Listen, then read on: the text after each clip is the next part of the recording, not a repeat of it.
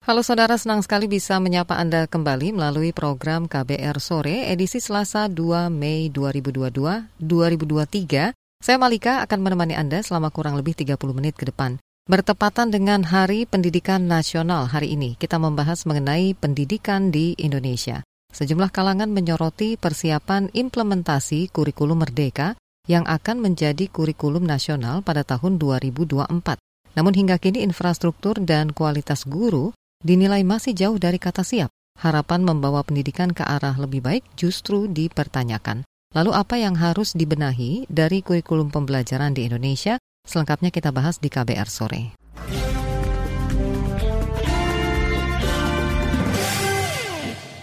Saudara Menteri Pendidikan Nadiem Makarim mengklaim telah terjadi perubahan besar di dunia pendidikan selama tiga tahun terakhir. Pernyataan itu dia sampaikan dalam pidato upacara peringatan Hari Pendidikan Nasional hari ini. Nadim turut menyinggung program Merdeka Belajar yang menurutnya mampu menuntun bakat, minat, dan potensi peserta didik. Menurut Nadim, kebijakan program Merdeka Belajar merupakan langkah untuk mentransformasi pendidikan demi terwujudnya sumber daya manusia unggul yang memiliki profil pelajar Pancasila. Anak-anak kita sekarang bisa belajar dengan lebih tenang, karena aktivitas pembelajaran mereka dinilai secara lebih holistik oleh gurunya sendiri. Para kepala sekolah dan kepala daerah yang dulu kesulitan memonitor kualitas pendidikannya, sekarang dapat menggunakan data asesmen nasional di platform rapor pendidikan untuk melakukan perbaikan kualitas layanan pendidikan. Menteri Pendidikan Nadiem Makarim mengatakan kebijakan Merdeka Belajar sejalan dengan kurikulum Merdeka. Kurikulum Merdeka adalah kurikulum dengan pembelajaran intrakurikuler yang beragam, di mana konten akan lebih optimal agar peserta didik memiliki cukup waktu untuk mendalami konsep dan menguap, menguatkan kompetensi. Nah, dengan kurikulum ini, guru akan memiliki keleluasaan memilih berbagai perangkat ajar, sehingga pembelajaran dapat disesuaikan dengan kebutuhan belajar dan minat peserta didik. Kurikulum Merdeka saat ini tengah melalui proses perbaikan sebelum nantinya diterapkan secara nasional pada tahun depan. Saat ini kurikulum merdeka jadi salah satu opsi yang dapat dipilih secara sukarela oleh satuan pendidikan. Pendekatan bertahap ini memberi waktu bagi guru, kepala sekolah, dan dinas pendidikan untuk belajar. Nadim yakin dengan diterapkannya kurikulum merdeka, maka guru lebih bebas berinovasi dan tak terikat lagi dengan aturan yang kaku.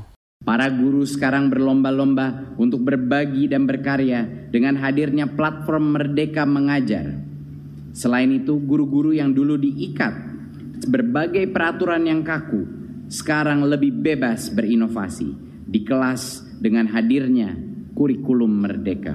Sejalan dengan kurikulum Merdeka yang menekankan pembelajaran mendalam untuk mengembangkan karakter dan kompetensi Seleksi masuk perguruan tinggi negeri pun sekarang fokus pada mengukur kemampuan literasi dan bernalar. Menteri Pendidikan Nadiem Makarim menambahkan momentum Hari Pendidikan Nasional tahun ini harus menjadi refleksi untuk merancang arah pendidikan yang lebih baik. Dia ingin semua anak bangsa bisa merasakan kemerdekaan yang sebenarnya dalam belajar. Transformasi yang masif ini sepatutnya dirayakan dengan penuh syukur dan semarak karena semuanya adalah hasil dari kerja keras dan kerjasama kita. Hari Pendidikan Nasional tahun ini adalah waktu yang tepat untuk kita semua merefleksikan kembali setiap tantangan yang sudah dihadapi, juga setiap jengkal langkah berani yang sudah diambil. Dengan merefleksikan hal-hal yang telah kita lakukan sepanjang tiga tahun terakhir, kita dapat merancang arah perjalanan kita ke depan untuk memastikan keberlangsungan dan keberlanjutan gerakan Merdeka Belajar. Layar yang sudah kita bentangkan jangan sampai terlipat lagi. Kita semua, para pendidik dan tenaga pendidikan, seniman dan pelaku budaya, juga peserta didik di seluruh penjuru Nusantara adalah kapten dari kapal besar yang bernama Indonesia ini. Perjalanan harus kita lanjutkan Perjuangan mesti kita teruskan agar semua anak bangsa merasakan kemerdekaan yang sebenar-benarnya dengan belajar dan dalam bercita-cita. Itu tadi Menteri Pendidikan Nadiem Makarim. Presiden Joko Widodo juga memberikan pesan khusus dalam peringatan Hari Pendidikan Nasional hari ini. Ia mengatakan pendidikan di negeri ini bisa maju dengan semangat kebersamaan, kerja keras, dan cerdas. Kata Jokowi, pendidikan merupakan tanggung jawab keluarga, sekolah, pemerintah, dan masyarakat. Kepala negara berharap semua elemen dapat memajukan pendidikan guna menyongsong dan mengelola Indonesia yang maju. Saudara, usai jeda kami sampaikan laporan khas KBR yang menyoroti rekrutmen P3K untuk solusi guru honorer. Tetaplah di KBR sore. You're listening to KBR Pride, podcast for curious mind. Enjoy!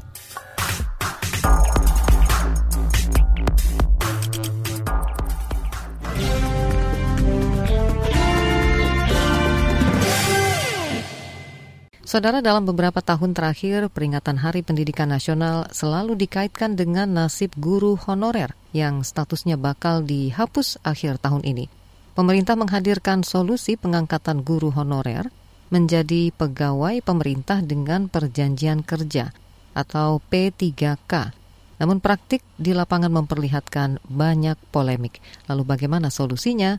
Kita simak dalam laporan khas KBR disusun jurnalis Hoirunisa pemerintah berencana menghapus status tenaga kerja honorer pada akhir November mendatang, termasuk guru honorer di sektor pendidikan dan tenaga honorer di sektor kesehatan. Solusinya, pemerintah membuka pendaftaran bagi tenaga honorer itu untuk menjadi pegawai pemerintah dengan perjanjian kerja atau P3K. Isu ini menjadi bahasan besar di Komisi 2 DPR bidang pemerintahan dalam negeri. Ketua Komisi 2 DPR Ahmad Doli Kurnia mengatakan, dari rapat mereka dengan pemerintah, dipastikan pemerintah akan menghapus tenaga honorer tanpa melakukan pemutusan hubungan kerja atau PHK massal. Tidak ada pemberlakuan pemutusan hubungan kerja massal kepada seluruh tenaga honorer. B. Tidak ada tenaga honorer yang dikurangi honor yang diterimanya saat ini C. Kebijakan yang diambil juga menghindari adanya pembengkakan anggaran.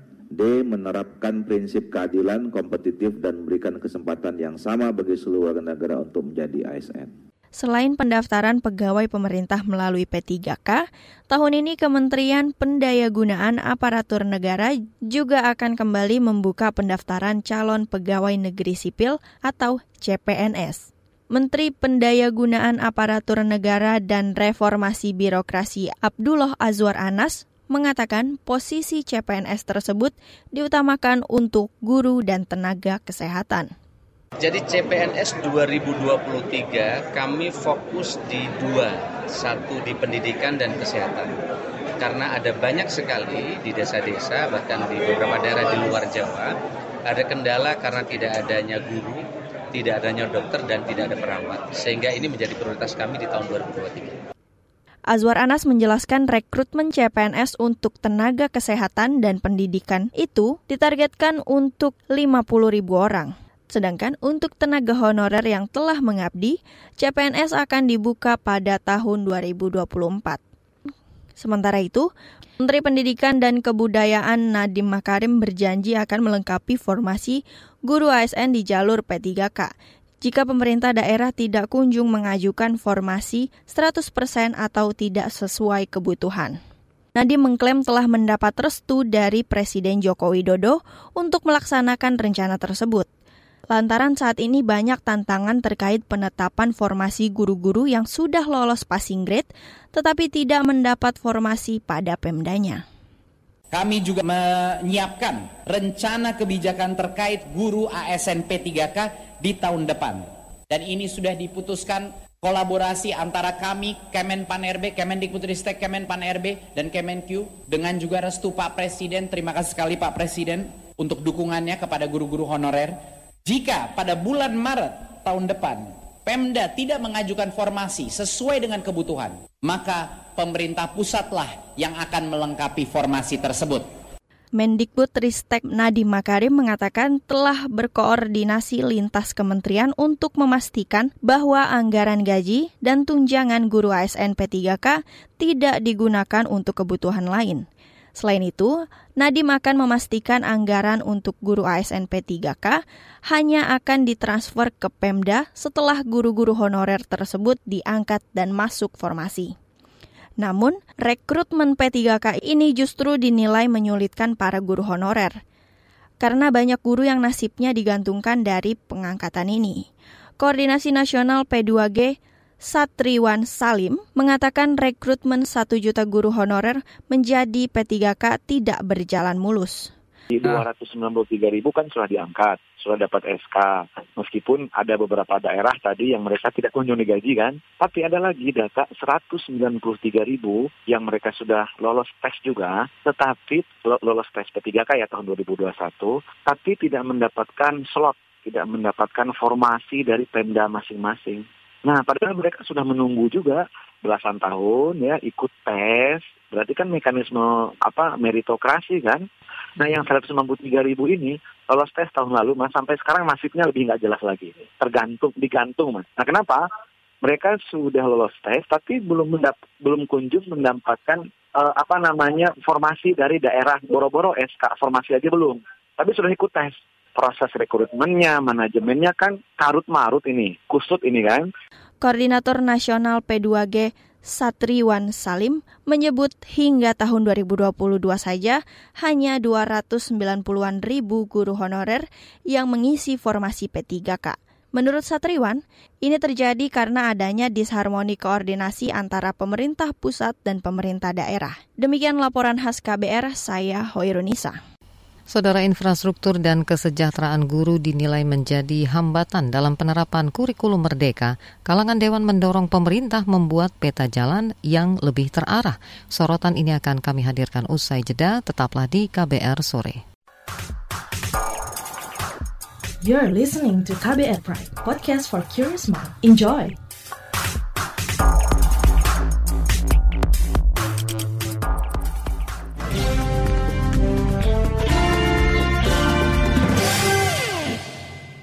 Kita lanjutkan kembali KBR sore. Saudara Komisi Bidang Pendidikan di DPR RI mendukung penerapan kurikulum merdeka untuk membenahi kualitas pendidikan di tanah air. Namun kurikulum yang bakal diterapkan nasional mulai 2024 itu dinilai masih terhambat beberapa masalah. Di antaranya belum siapnya sarana prasarana, infrastruktur hingga kesejahteraan guru yang masih jauh dari kata cukup. Wakil Ketua Komisi Bidang Pendidikan di DPR RI, Dede Yusuf, mendorong pemerintah membuat peta jalan pendidikan yang lebih komprehensif sehingga arah pendidikan Indonesia bisa lebih tertata dan tidak berganti ketika terjadi perubahan menteri. Selengkapnya kita simak wawancara jurnalis KBR Astri Wanasari bersama Wakil Ketua Komisi Pendidikan DPR RI Dede Yusuf. Kalau dari uh, Komisi 10 sendiri bagaimana gitu evaluasi uh, pra penerapan kurikulum Merdeka Belajar ini gitu Pak? Konsep Merdeka Belajar atau kita sebut saja kampus Merdeka dan lain-lain, sebetulnya tujuannya adalah melakukan transformasi loncatan yang signifikan terhadap gaya pendidikan kita yang mungkin selama ini 20 tahun kita masih menggunakan sistem pembelajaran ya konvensional. Sebagaimana kita ketahui, dunia sudah masuk kepada industri 5.0 bahkan saat ini ya 4.0 5.0. Nah, pendidikan berjalan lebih lambat daripada dunia industri itu sendiri. Akibatnya, penyesuaian itu sangat dibutuhkan dalam waktu yang sangat cepat. Akibat daripada transformasi yang dilaksanakan oleh Kemendikbud saat ini, banyak juga yang tertinggal, tidak sanggup. Nah, kenapa tidak sanggup? Satu adalah masalah sarana prasarana Kedua, masalah infrastruktur. Ketiga, saya harus jujur mengatakan karena kesejahteraan daripada tenaga pendidiknya masih jauh di bawah harapan kita. Kalau kita melihat dari uh, bagaimana kurikulum merdeka ini uh, penerapannya, kemudian untuk dijalankannya sendiri ini uh, ada kesan dipaksakan sih Pak untuk melaksanakan ini gitu. Sebuah sistem yang berubah tentu pada awalnya akan ada yang terpaksa, akan ada yang dipaksa. Ketika menyenangkan, maka semua mau tidak mau belajar menggunakan fasilitas yang diberikan. Jadi namanya user interface. Nah, kalau user interface-nya ini ribet, maka tentu penolakan akan terjadi. Tetapi eh, kami pastikan perubahan ini harus terjadi. Perubahan harus terjadi. Karena apa? Tadi saya katakan, banyak faktor yang sudah ditinggalkan di dunia, kita masih pakai. Ya kan, nah yang kita tahu lah di dunia itu ada active learning lah, terus udah gitu pembelajaran kurikulumnya nggak nggak banyak, mungkin hanya 50% daripada masa pelajaran diberikan di sini. Ada yang mengatakan bahwa mata pelajaran SD di kita sama seperti mata pelajaran SMP di Jepang, kira-kira begitu, karena saking bebannya terlalu heavy gitu.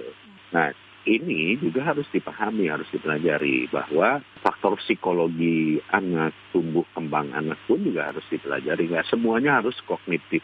Ada yang namanya bermain, ada yang namanya eh, bersosialisasi, ada yang namanya pendidikan karakter, semua masuk itu tidak harus dalam bentuk namanya buku atau pembelajaran. Bisa menjadi bagian dalam diskusi, dalam permainan, dan lain-lain. Akibatnya, banyak siswa kita jago di dalam nilai, tetapi begitu dihadapi dalam sebuah permasalahan real, mereka kelabakan, ya kan? Nah, kenapa? Tadi terlalu banyak pelajaran, tapi yang dikuasainya sedikit. Nah, ke depannya tentunya kita berharap anak-anak itu mulai dari sejak dini, sebutlah dari SMP, mereka sudah mulai mencari minat dan bakat sehingga mereka akan fokus kepada minat dan bakatnya. Nggak lagi meraba-raba mau ke mana mau ke mana mau ke mana. Nah sebenarnya di dalam konsep uh, sekolah merdeka belajar ini semua sudah disiapkan. Kan sebentar lagi itu kan tahun politik gitu ya itu bagaimana memastikan kurikulum ini tidak ikut uh, berganti gitu setelah 2024 gitu? Apakah perlu semacam rencana jangka panjang atau harus ada uh, bagaimana gitu? Apa yang harus dilakukan gitu? Uh, memang ada perdebatan yang cukup alot dengan DPR, Komisi 10 dan Kemendikbud. Kemendikbud itu inginnya langsung mengganti Undang-Undang Sisdiknas dan dijadikan Undang-Undang Sapu Jagat atau Undang-Undang Omnibus.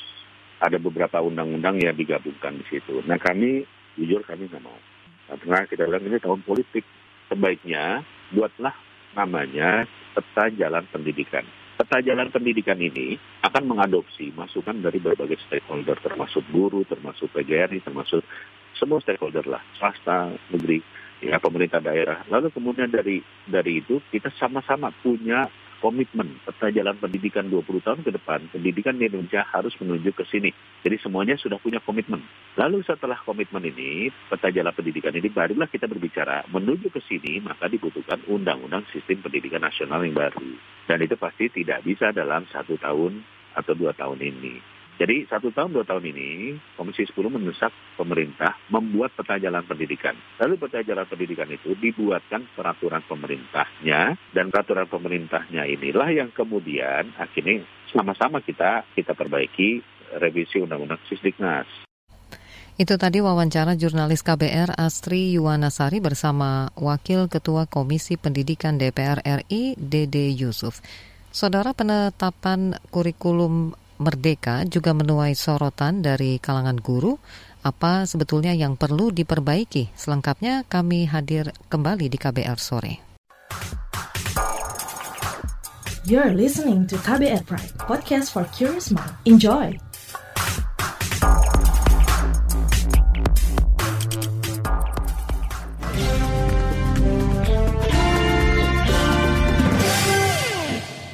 Anda masih mendengarkan KBR sore. Saudara penerapan program kurikulum merdeka menuai sorotan dari Federasi Serikat Guru Indonesia FSGI. Sekretaris Jenderal FSGI Heru, Heru Purnomo menyebut ada sejumlah kendala dalam implementasi kurikulum tersebut.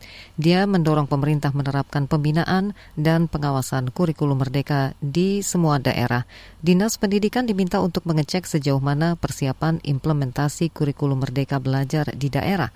Berikut selengkapnya wawancara jurnalis KBR Astri Septiani dengan Sekretaris Jenderal Federasi Serikat Guru Indonesia Heru Purnomo. Bagaimana implementasi kurikulum Merdeka Belajar dan bagaimana pula kesiapan sekolah dan juga eh, pengajar di daerah-daerah untuk eh, menerapkan kurikulum tersebut? Pada umumnya semua satuan pendidikan merespon dengan baik, tetapi eh, ada yang sudah melaksanakan dua tahun, yaitu sebagai sekolah. Ya. Tetapi juga ada yang baru melaksanakan satu tahun karena uh, bukan sekolah penggerak, melainkan uh, melaksanakan kurikulum mandiri. Begitu juga ada juga sekolah yang sampai hari ini belum melaksanakan kurikulum merdeka. Kenapa seperti itu?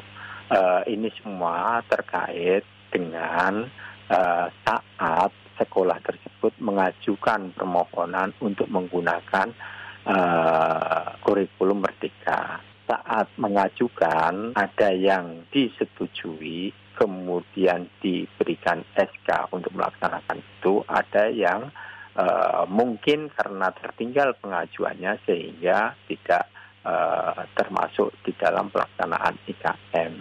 Nah, Artinya bahwa sampai saat ini bahwa penerapan kurikulum merdeka di seluruh Indonesia belum semuanya satuan pendidikan melaksanakan itu. Uh, dengan dengan catatan seperti itu berarti uh, masih ada kendala.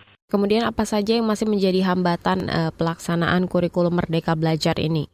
Kalau sudah secara resmi melaksanakan IKM, semua prosedur sampai penilaian nanti begitu uh, saat pengisian uh, nilai rapor dan sebagainya harus menggunakan satu aplikasi dalam penilaian atau e-raportnya uh, harus berbasis uh, apa ya berbasis uh, aplikasi yang satu sistem dengan kurikulum merdeka. Dengan mekanisme itu artinya pada saat mendaftar itu kan ada hambatan.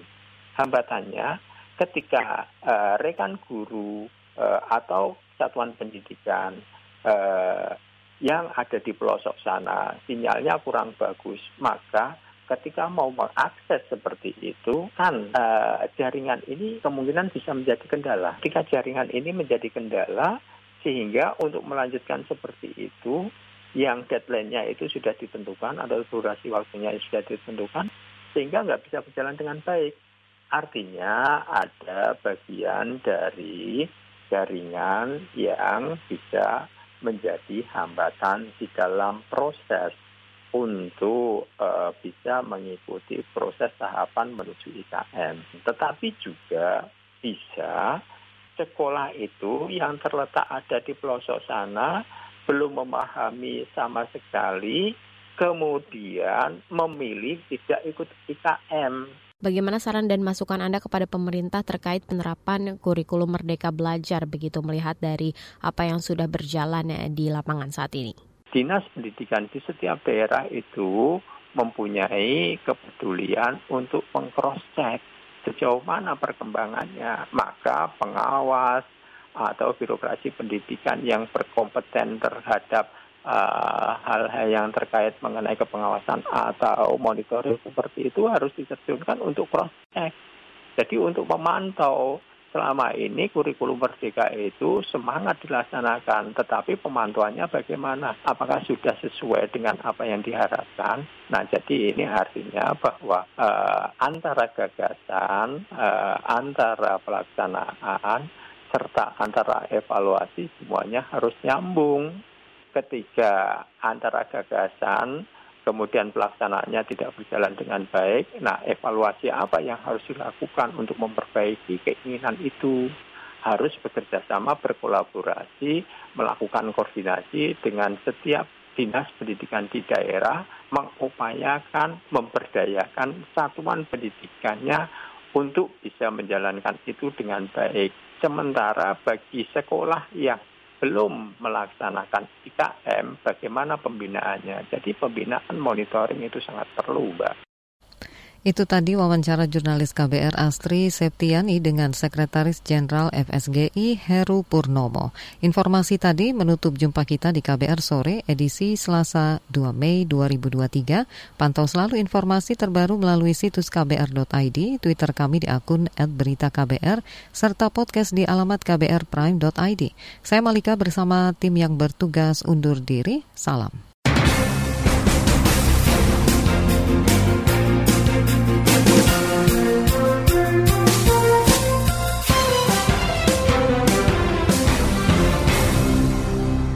KBR Prime, cara asik mendengar berita. KBR Prime, podcast for curious mind.